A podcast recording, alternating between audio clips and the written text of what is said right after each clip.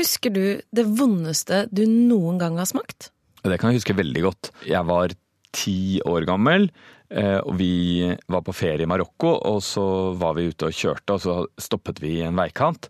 For der hadde vi sett noen trær med noen bær. Og dette var bær som jeg kjente godt, fordi jeg hadde sett dem på etiketten på glass på en måte, siden jeg var, siden jeg var barn. Men jeg hadde aldri opplevd dem liksom rett fra naturen. Så da bare forsynte du deg? Ja, men jeg er litt sånn, ikke sant. Når man ser noe spiselig, så må man, må man smake. Men det var vondt? Ja, ja, som sagt så var det liksom det vondeste jeg hadde smakt da jeg var ti år. Men jeg lurer på om det fortsatt er liksom det vondeste. Det var så bittert, så bittert. Hele munnen blir nummen. Og jeg husker at jeg løp tilbake til bilen, og at jeg hadde en flaske brus der. Og at, det, at jeg drakk av den, men jeg, jeg, kunne ikke smake noen ting. Og det tok timevis før jeg fikk smakssansen tilbake. Og dette er dagens tema? Ja. Det kan være så forferdelig som noe mat kan være. Men hvis man bare vet hvordan å behandle denne råvaren, så er den livgivende, den er eh, sivilisasjonsbyggende, sunn og ikke minst nydelig. Dagens program handler om oliven.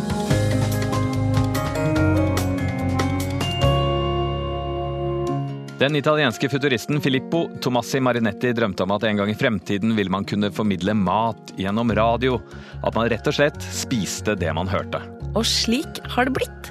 Med dette programmet, som vi har valgt å kalle nettopp Radiomat, skal vi prøve å gi deg spiselig kunnskap. I Radiomat skal vi snakke om matens kulturhistorie, om råvarer, om matens betydning opp gjennom historien og i vår tid. Og vi skal snakke om smak. I studio overfor meg sitter matentusiast, kokebokforfatter og småbonde Andreas Vistad. Han er den eneste jeg kjenner som lager sine egne sylta oliven av plommer. Og overfor meg sitter matblogger, birøkter og radiomenneske Pia Skjevik, som av og til gnir inn håret sitt med olivenolje. det blir kjempefint.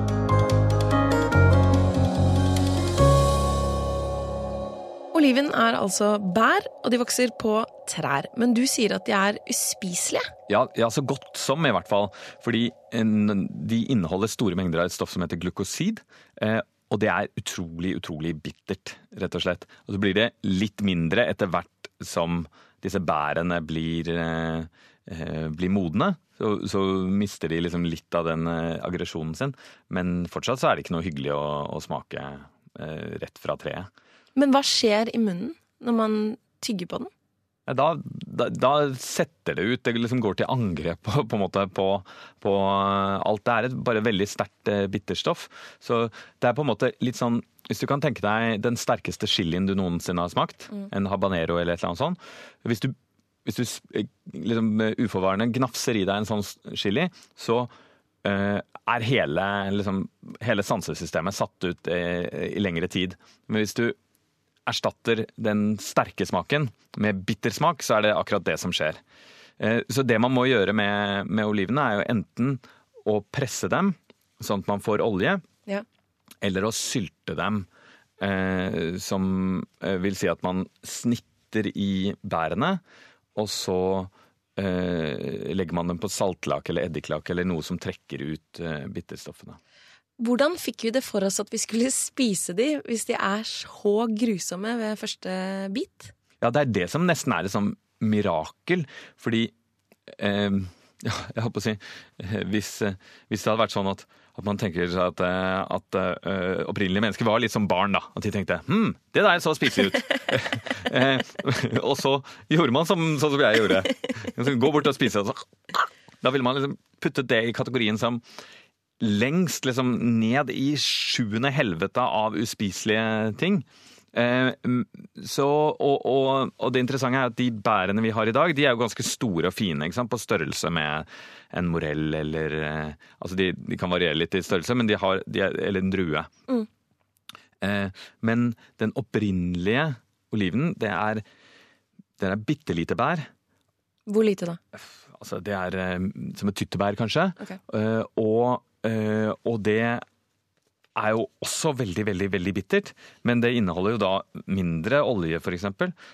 Men på et eller annet tidspunkt så har folk funnet ut at de har knust noen av de modne bærene og sett at de har fått litt fett på fingrene, eller blandet det i vann og sett at fettet har steget opp. Mm. Så man har, har da antageligvis eh, samlet og knust disse her tingene fordi fett var så verdifullt. Og så har man begynt å dyrke trærne. Men da tok det altså 4000 år med å dyrke dette bitre, bitte lille bæret før man kom fram til noe i nærheten av det som, eh, som er en, en stor oliven.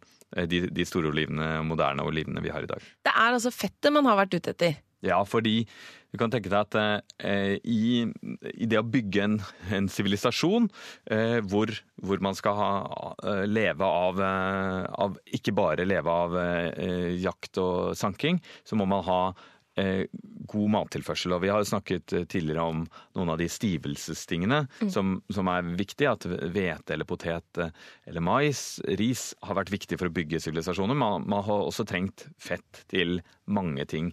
Um, og, og, da var jo oliven den naturlige eh, fettkilden da langs Middelhavet, der vår sivilisasjon opp oppstå.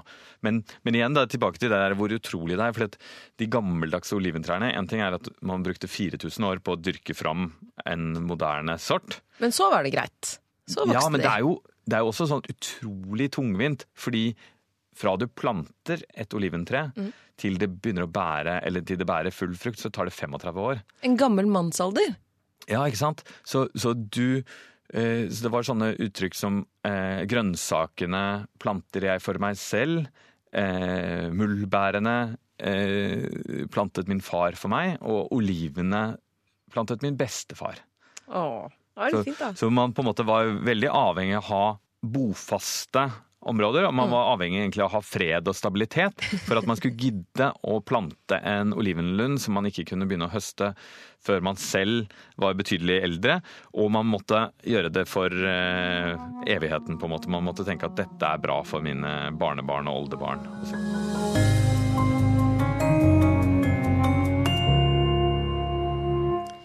Hvor lenge har vi hatt moderne olivenproduksjon? Ja, altså Trær som ligner ganske mye på våre vanlige oliven, og ikke på disse ville oleasterne. Det har vi vel kanskje hatt litt avhengig av hvor du setter grensa, 4000-5000 år. Og hvor gammelt kan et tre bli? Ja, Det er det morsomme. At de eldste trærne kan bli kjempe, kjempegamle. Altså Det er helt vanlig at et tre blir 500 år.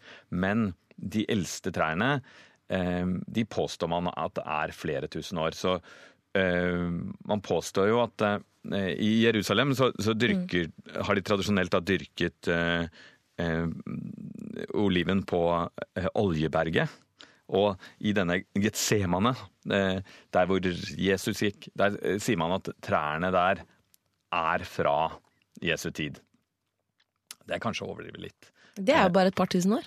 Det er et par tusen år, men så er det ett tre Eh, på Kreta som eh, har blitt liksom en eh, attraksjon som mange sikkert har, eh, har besøkt, som heter Vovestre. og Det mm. står utenfor den, vanlige, den populære turistdestinasjonen Chania. Og eh, da påstår man at det er 4000 år gammelt. Men kan man ikke sjekke det? Ja, da, jo, man kan det, og det er det de har gjort da. Så da Lokale helter fra universitetet i Kreta de sier det stemmer, det er 4000 år gammelt. Men så kommer det andre, eh, andre eksperter som sier ja, det er i hvert fall veldig gammelt. Eh, det er kanskje 2000 år gammelt. Um, men man kan ikke sjekke det med årringer, sånn som eh, med vanlige trær. Hvorfor ikke? Jo, fordi at eh, hvis du har sett disse kjempestore, knudrete eh, oliventrærne mm så er de ofte litt hule inni der. Så da er det sånn at det, det, vokser og vokser, kanskje da i 2000 år. Men den biten som vokste for 2000 år siden, den har kanskje dødd. Men det som har vokst til etterpå, det lever fortsatt. Så det er det samme treet, men det er ikke alt det samme trevirket, eh, for å si det sånn. Hvor store kan de bli? Og dette treet, da, i Voves-treet, eh, det er 12,5 meter i omkrets. Det har en diameter på 4,6 meter. Og det produserer fortsatt oliven? Ja, det produserer, det produserer litt oliven. Det er liksom podet på en liksom mer moderne olivensort. og produserer eh, noen kilo. Så er det et annet enn et som er i, i Kroatia, som, som eh, er 1600 eh, år. Og det produserer altså nesten en full vekst. 33 kilo på det treet. Hva bruker man disse hellige olivenene til? Man lager olje av det. Altså, men det, Jeg har ikke smakt det, men jeg tenker at det må være veldig eh, i, i, i, i vinverden så kaller man jo vin fra gamle vinstokker for vieille vigne hvis de er over 20 eller 40 år. Mm. Så her har du et oliventre som er 2000 eh, år gammelt. Og, men dette er ikke så uvanlig. altså Akkurat det her at de er så gamle, er uvanlig. Men eh, langs eh, store deler av Middelhavet så finner du disse eldgamle olivenlundene. Så jeg bodde en gang i et nedlagt kloster, for det er gjerne liksom klostre hvor man har hatt eh, lengst bosetning, på Mallorca. Og der var det oliventrær som var over 700 år gamle. Så man kjørte gjennom denne olivenlunden på vei opp til det gamle klosteret.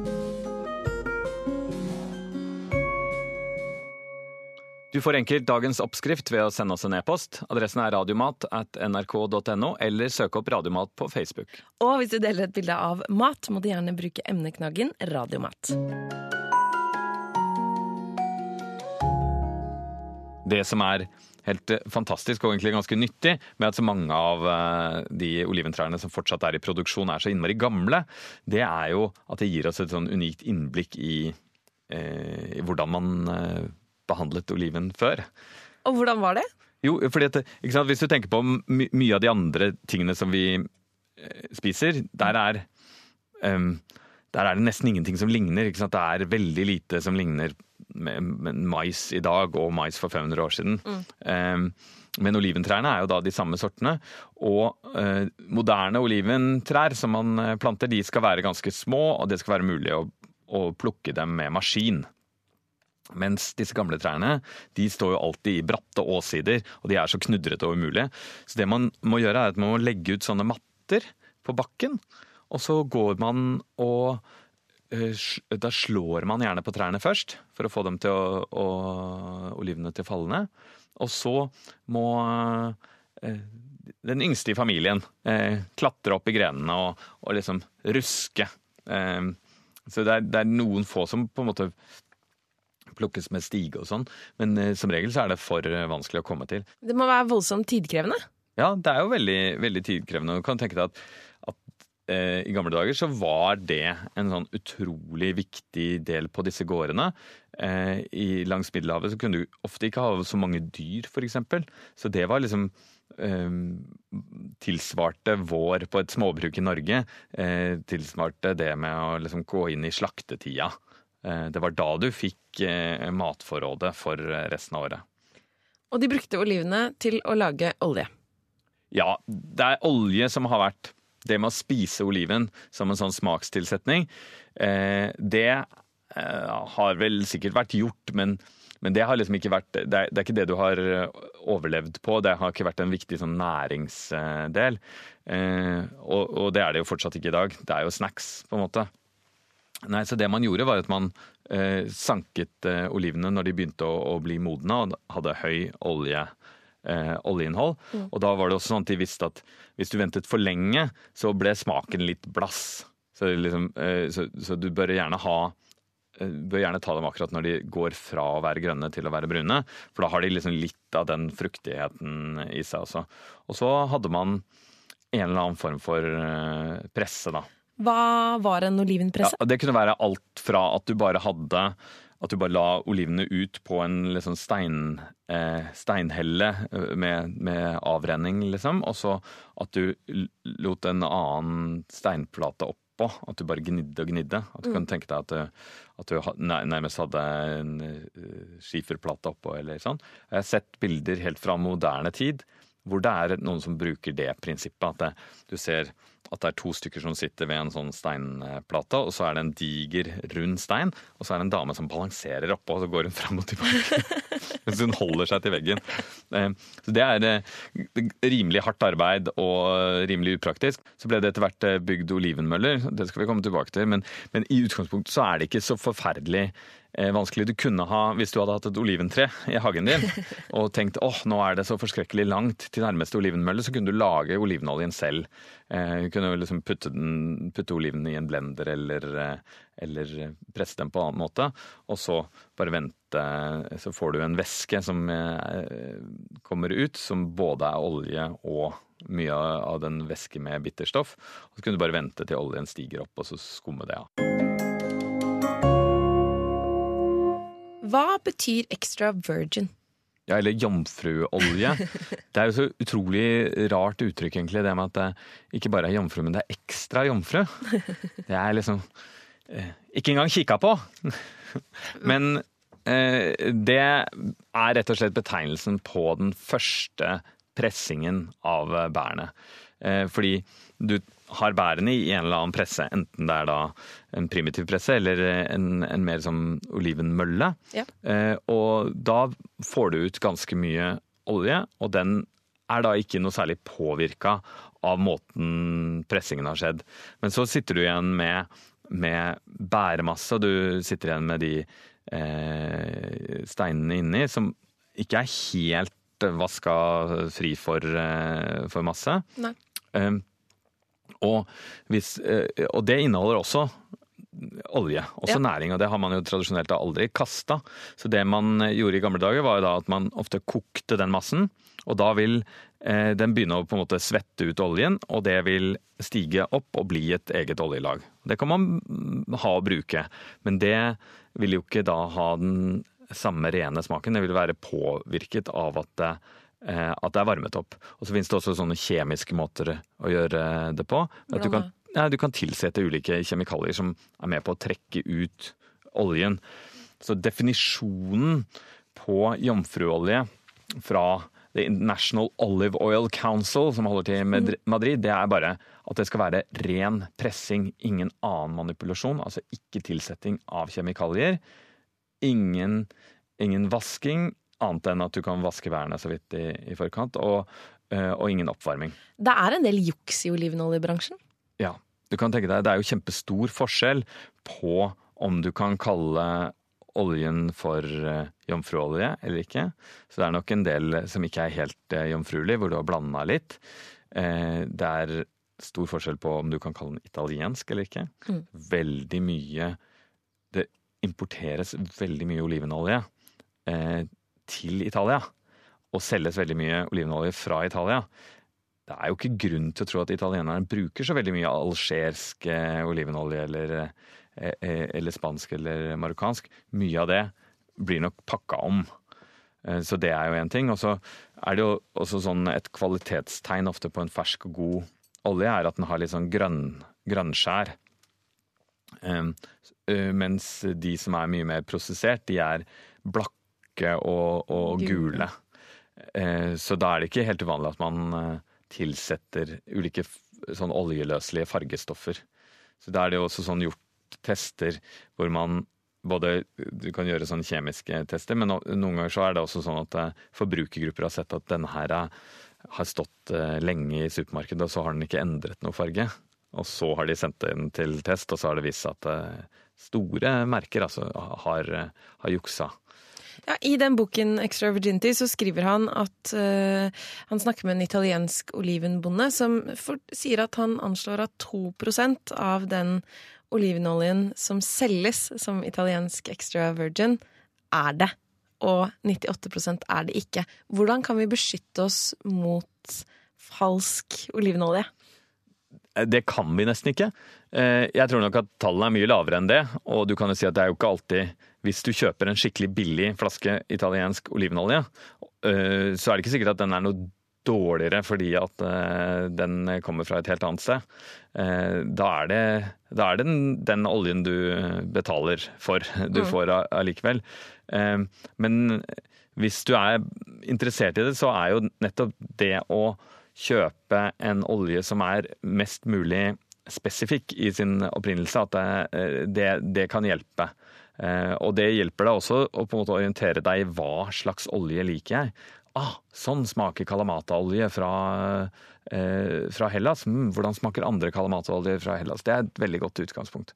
Men det er ikke det verste jukset. Hva er det verste jukset? Ja, fordi du kan tenke deg at Hvis noen på en måte blander en annen olivenolje oppi, så er det øh, forferdelig, og det er ganske utbredt, men det er tross alt ulovlig. Så man kan anta at ikke alle gjør det. Ja. Men eh, når du kjøper helt vanlige svarte oliven du vet de som har litt sånn gummiaktig eh, konsistens, eh, og ofte er eh, uten stein? Mm. Smaker litt sånn ingenting. Ja. Det er jo virkelig juks og fanteri, og det er helt lovlig. Fordi, du vet um, Oliven eh, er jo da først grønne. Ja. Så kan man sylte grønne oliven, og da får det, beholder de en sånn type spenstighet. Og så smaker de kanskje mest av eh, den laken de er eh, sylta i, men det kan være kjempegodt. Og så kan du få sånne kalamata eller andre oliven. Ja. Som er svarte, og de er ofte veldig myke i konsistensen fordi at, det, at selve bæret er ganske modent. Men disse her, som vi snakker om, de spenstige, de er helt svarte. De er ikke sånn brunmørke med litt, sånn litt auberginefarge, liksom. De er helt svarte. Og det er rett og slett fordi det er grønne oliven som er plukka, og så er de behandlet med lut. Med lut. Ja, med lut. Så det er luteoliven, eh, som slett ikke er svarte oliven. Det er grønne oliver som er lutet.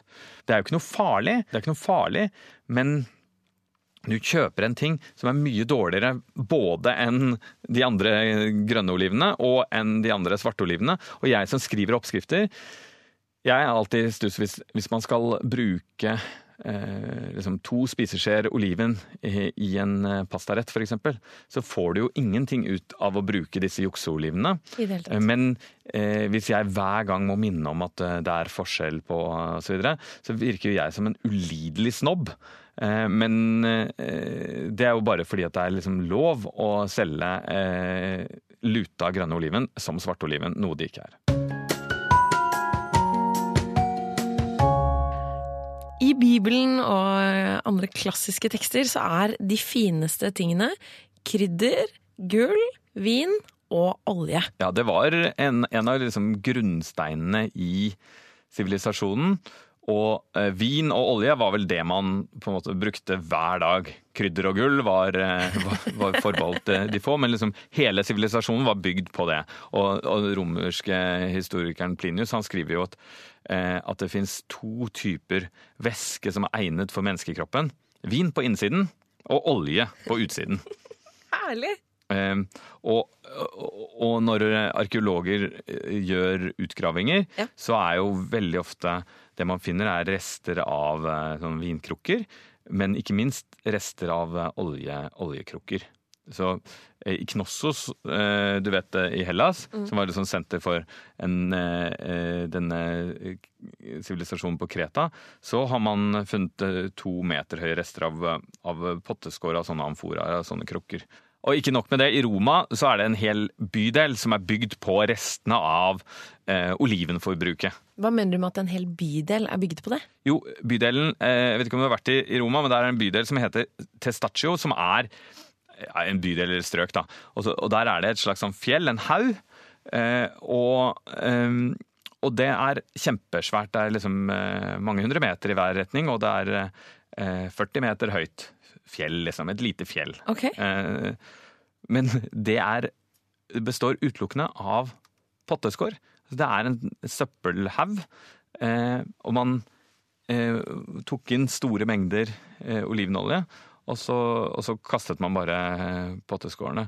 Og arkeologene har prøvd å bruke det da, til å lage et anslag på hvor mange, hvor mye olje man brukte.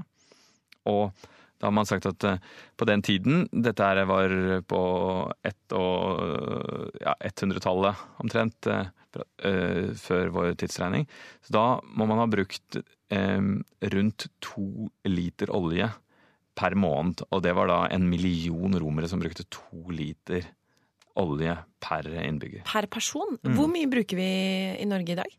I hvert fall ikke så mye. Vi har jo andre kilder til fett, kanskje for mange kilder til fett. Og vi har jo snakket om hvor viktig fett eller smør var for de store skiftene som skjedde religiøst i, i, Europa. Martin Luther var en ihuga smørfantast. Han elsket smør. Og, eh, og vi kan jo bare gjenta det hovedpoenget. Det var jo det at at etter hvert, da, eh, på 1400-1500-tallet, så var det blitt eh, nokså stabile forhold. Og en av de tingene som var mest irriterende for smørspiserne med den katolske kirke, mm. var at det var så mange dager, det var opptil 200 dager med faste hvor du ikke fikk lov til å spise smør eller svinefett eller noen ting. Det var helt greit for de som brukte olivenolje. Ikke greit for de som brukte eh, andre typer fett. Så Det man ser er at de første grensene mellom protestantiske og katolske land går ikke helt nøyaktig, men nokså nøyaktig Eh, mellom eh, smørspisere og oljespisere. Og de områdene i Frankrike for eksempel, som hadde eh, sånne lommer med protestantisme, mm. det var nettopp i smørområdene i Normandie og i disse gåsefett- og, og svineområdene i, blant annet i Languedoc.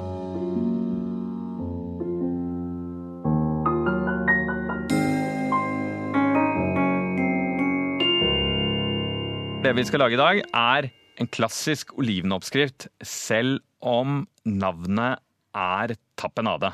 Det er så godt. Men vet du hva tapenade betyr? Nei. Det, det kommer fra det gamle eh, provensalske ordet for kapers. Så du kan egentlig lage en tapenade helt uten oliven, men du kan ikke lage den uten kapers. Eh, men uansett, den har jo mye mer oliven enn en kapers, men det du da trenger, er 200 gram oliven, svarte oliven, mm. Og da trenger du ikke de gummiolivene, lute, lutede olivene. Da trenger du sånne som er litt rødbrune i skallet og gjerne litt myke. Vi kan vel slå fast at man aldri trenger gummiolivene? Ja, man trenger aldri gummiolivene. Um, og så uh, Enten så er de uten uh, Enten så er de uten stein, eller så får du ut steinen. Og da, det gjør du egentlig veldig enkelt hvis du bare skal mose det uansett. Så, så bare har du oliven på høykant, og så bare presser du ned.